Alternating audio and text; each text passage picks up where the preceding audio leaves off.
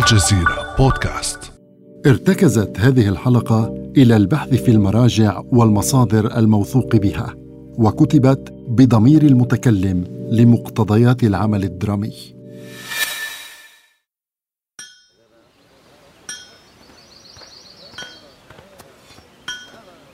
هيا أيها الرجال هيا! أريد أن تبذلوا أقصى ما في وسعكم.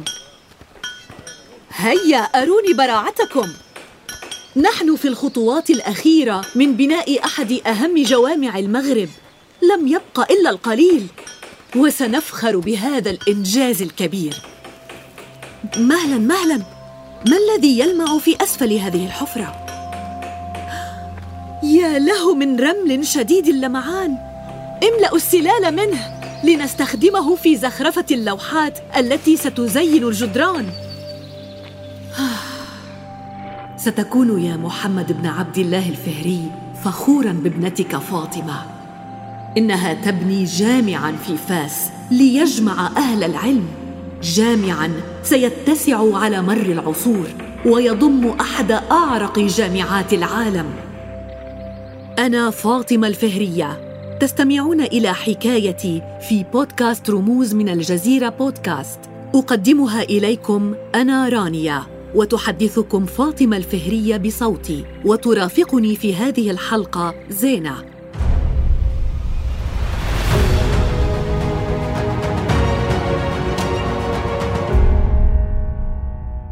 مرحبا أصدقائي سأرافقكم اليوم لنعرف سيرة امرأة اقترن اسمها بتاريخ جامع وجامعة القرويين في المغرب. امرأة قال ابن خلدون إنها نبهت عزائم الملوك من بعدها. هذه حكاية أم البنين فاطمة الفهرية. هنا في شوارع القيروان المدينة الشاهدة على تاريخ المسلمين في تونس ولدت مطلع القرن التاسع الميلادي. والدي محمد بن عبد الله الفهري ينتسب لفاتح المغرب الأقصى.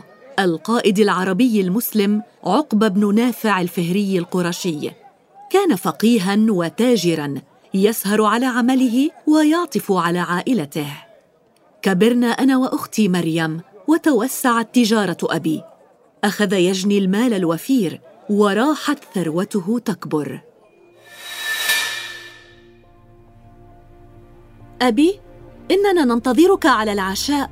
تعالا أيتها الصغيرتان. لقد جلبت لكما بعض الحلوى. كيف كان العمل يا أبي؟ اوه أشغال كثيرة. إننا نستقبل العديد من الزبائن يوميا من مشارق الأرض ومغاربها ونخطط للكثير من الأعمال.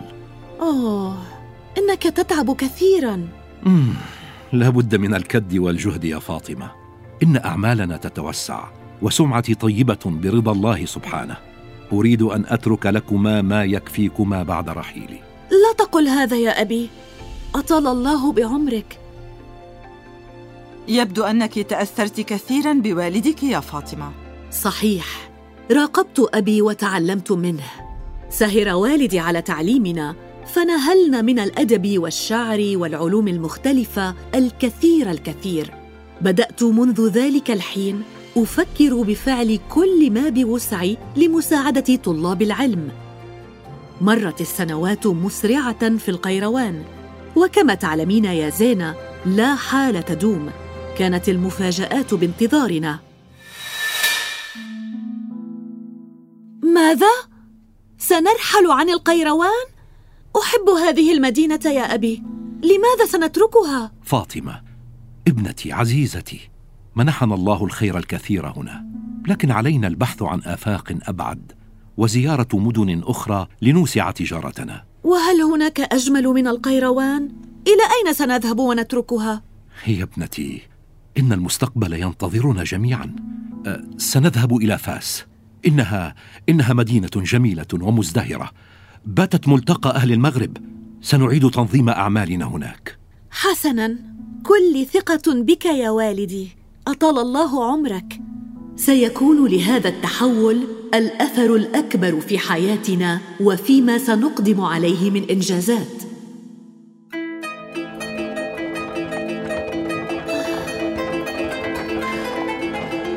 ألا تزال الطريق طويلة يا والدي؟ آه، هل هل تعبت يا ابنتي؟ تعالي تعالي نرتاح قليلا تحت تلك الشجرة. هيا هيا. خذي قربة الماء هذه. اشربي منها. ها؟ انظري. انظري إلى البعيد. لعلها لعلها أبواب فاس. هيا هيا. هيا فلنسرع. آه. الحمد لله. الحمد لله. لقد وصلنا. أبي هذه المدينة جميلة جدا. لقد كنت محقا كالعادة أوه. ها؟ ما هذا؟ إنها حاضرة كبيرة انظر إلى هذه العمارة البديعة يا أبي ستفتح لنا آفاقا كبيرة يا صحيح ما قالوا عنها إنها مدينة مزدهرة شكلت محطة فاس تغيرا كبيرا في حياتك يا فاطمة. أليس كذلك؟ بالفعل ستكون نقطة تحول هائلة. كتب لي الزواج في فاس. فيها عرفت معنى الاستقرار وتكوين العائلة. اشترينا منزلا هناك وبدأنا الاختلاط بأهل المنطقة. ترسخت تجارة أبي وازدهرت مستفيدا من حيوية المجتمع المنفتح على سائر المنطقة. هذه التحولات الإيجابية لم تخلو من المصاعب والأحزان.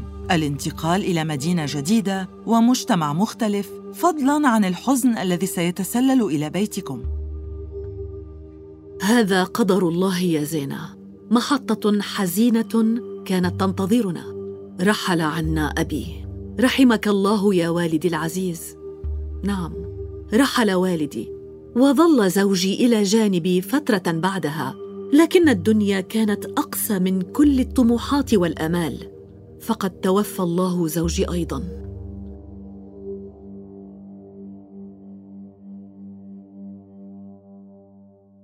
لم يكن أمامي بديل عن مواصلة الكد والعمل. كنت أنا وأختي مريم على قدر المسؤولية. حافظنا على تجارة أبي والمال الذي ورثناه عنه وعن زوجي. لكن جمع المال لم يكن هدفي الأول يا زينة. كان علينا إنفاقه في المكان الصحيح. قدمنا كل ما نستطيعه للمحتاجين ولم نرد سائلا. وقفنا إلى جانب المساكين وطلاب العلم في فاس. لماذا الطلاب بالتحديد يا فاطمة؟ هل رأيت نفسك في أولئك الفتية؟ العلم أساس النهضة. أريد أن أرى مجتمعنا يتقدم. دعمت الفتية والطلبة شجعتهم على نهل العلم ومنحتهم كل ما يحتاجونه لمواصلة دروسهم. هكذا أصبحت فاطمة أم البنين هذا اللقب الذي سيلازمني طوال حياتي. ارتبط اسمك بجامع القرويين. من أين جاءت فكرة بنائه يا فاطمة؟ سأروي لك القصة يا زينه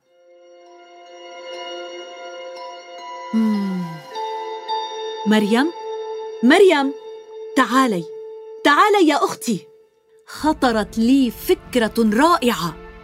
انظري يا مريم إلى هذه المدينة الكبيرة. إن فاس تتوسع بعمرانها وناسها. انظري إلى أحيائها وإلى هذه الجموع التي تمر من هنا كل يوم. إن فاس تضيق بسكانها وبزوارها من كل حدب وصوب. امتلأت بالمهاجرين من الأندلس ورحل إليها الفقهاء والعلماء وسائر الناس قادمين من مدن بعيدة تحولت إلى ملتقى للثقافات والأديان والأعراق. إنها تنمو وتزدهر. وصلني الخبر أن الناس تحتاج جامعا جديدا. فجامع الأشياخ بالعدوة الشرقية وجامع الشرفاء بالعدوة الغربية كلاهما لم يعد يستوعب جموع المصلين. سأتطوع لبناء جامع. نوسع به على المصلين وطلاب العلم. ما رأيك يا مريم؟ أليست الفكرة عظيمة؟ وجدت قطعة أرض مناسبة في عدوة القرويين. أقطعها الحاكم يحيى بن محمد بن إدريس. إلى رجل من هوارة اشتريتها وبدأت تحقيق حلمي الأكبر. والدي الحبيب سأبني ما يترك ذكراك الطيبه خالدة بين الناس. في مطلع رمضان عام 859 من الميلاد بدأنا بعون الله تعالى تشييد الجامع وقررت أن أظل صائمة حتى الانتهاء من أعمال البناء. اسمعوني جيدا أيها الرجال. اسمعوني. هذه الأرض الطاهرة فيها الكثير من الكنوز. لن نحتاج شيئا من خارجها.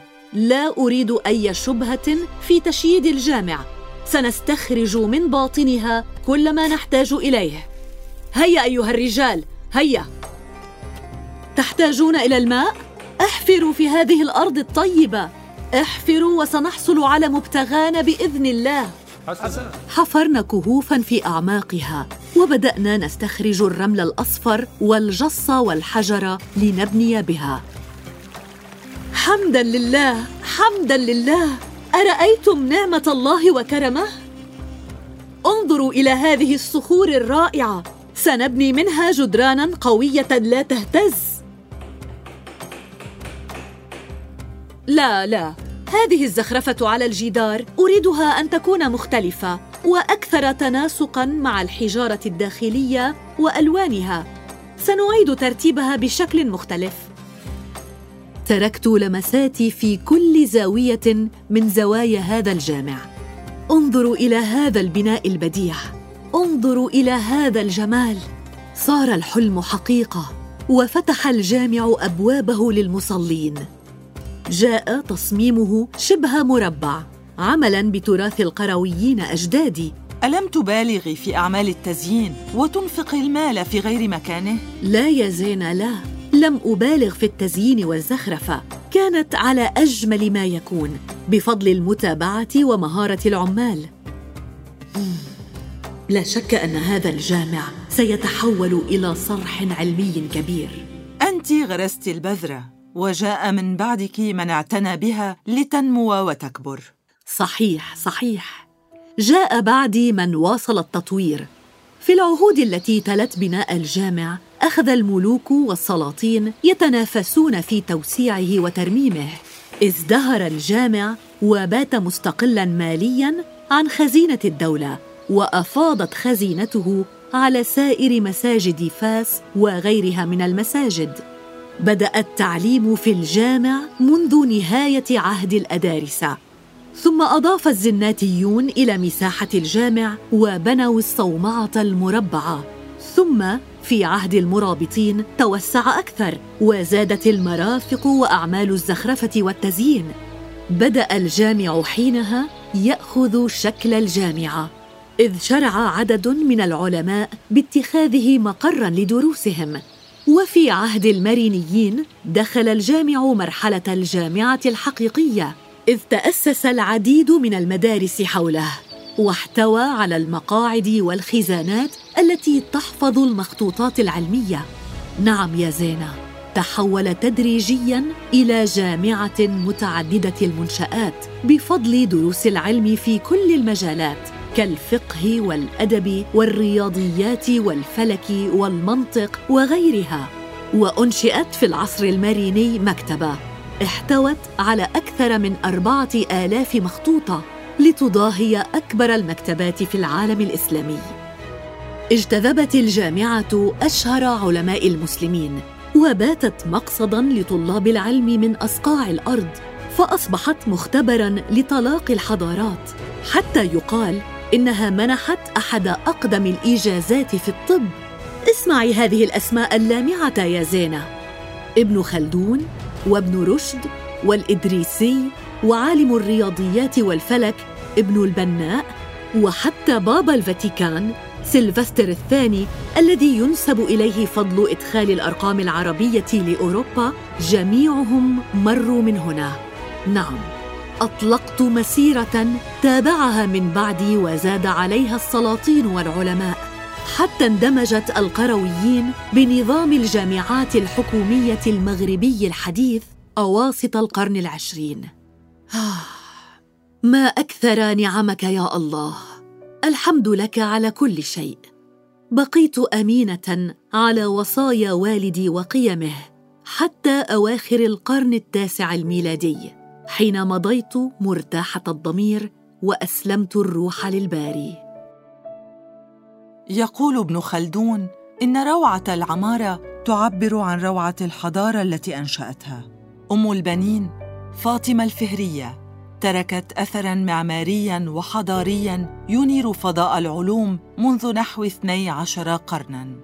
وحسب اليونسكو وكتاب جينيس للأرقام القياسية فإن جامعة القرويين في فاس هي أقدم جامعة ما زالت عاملة دون انقطاع حول العالم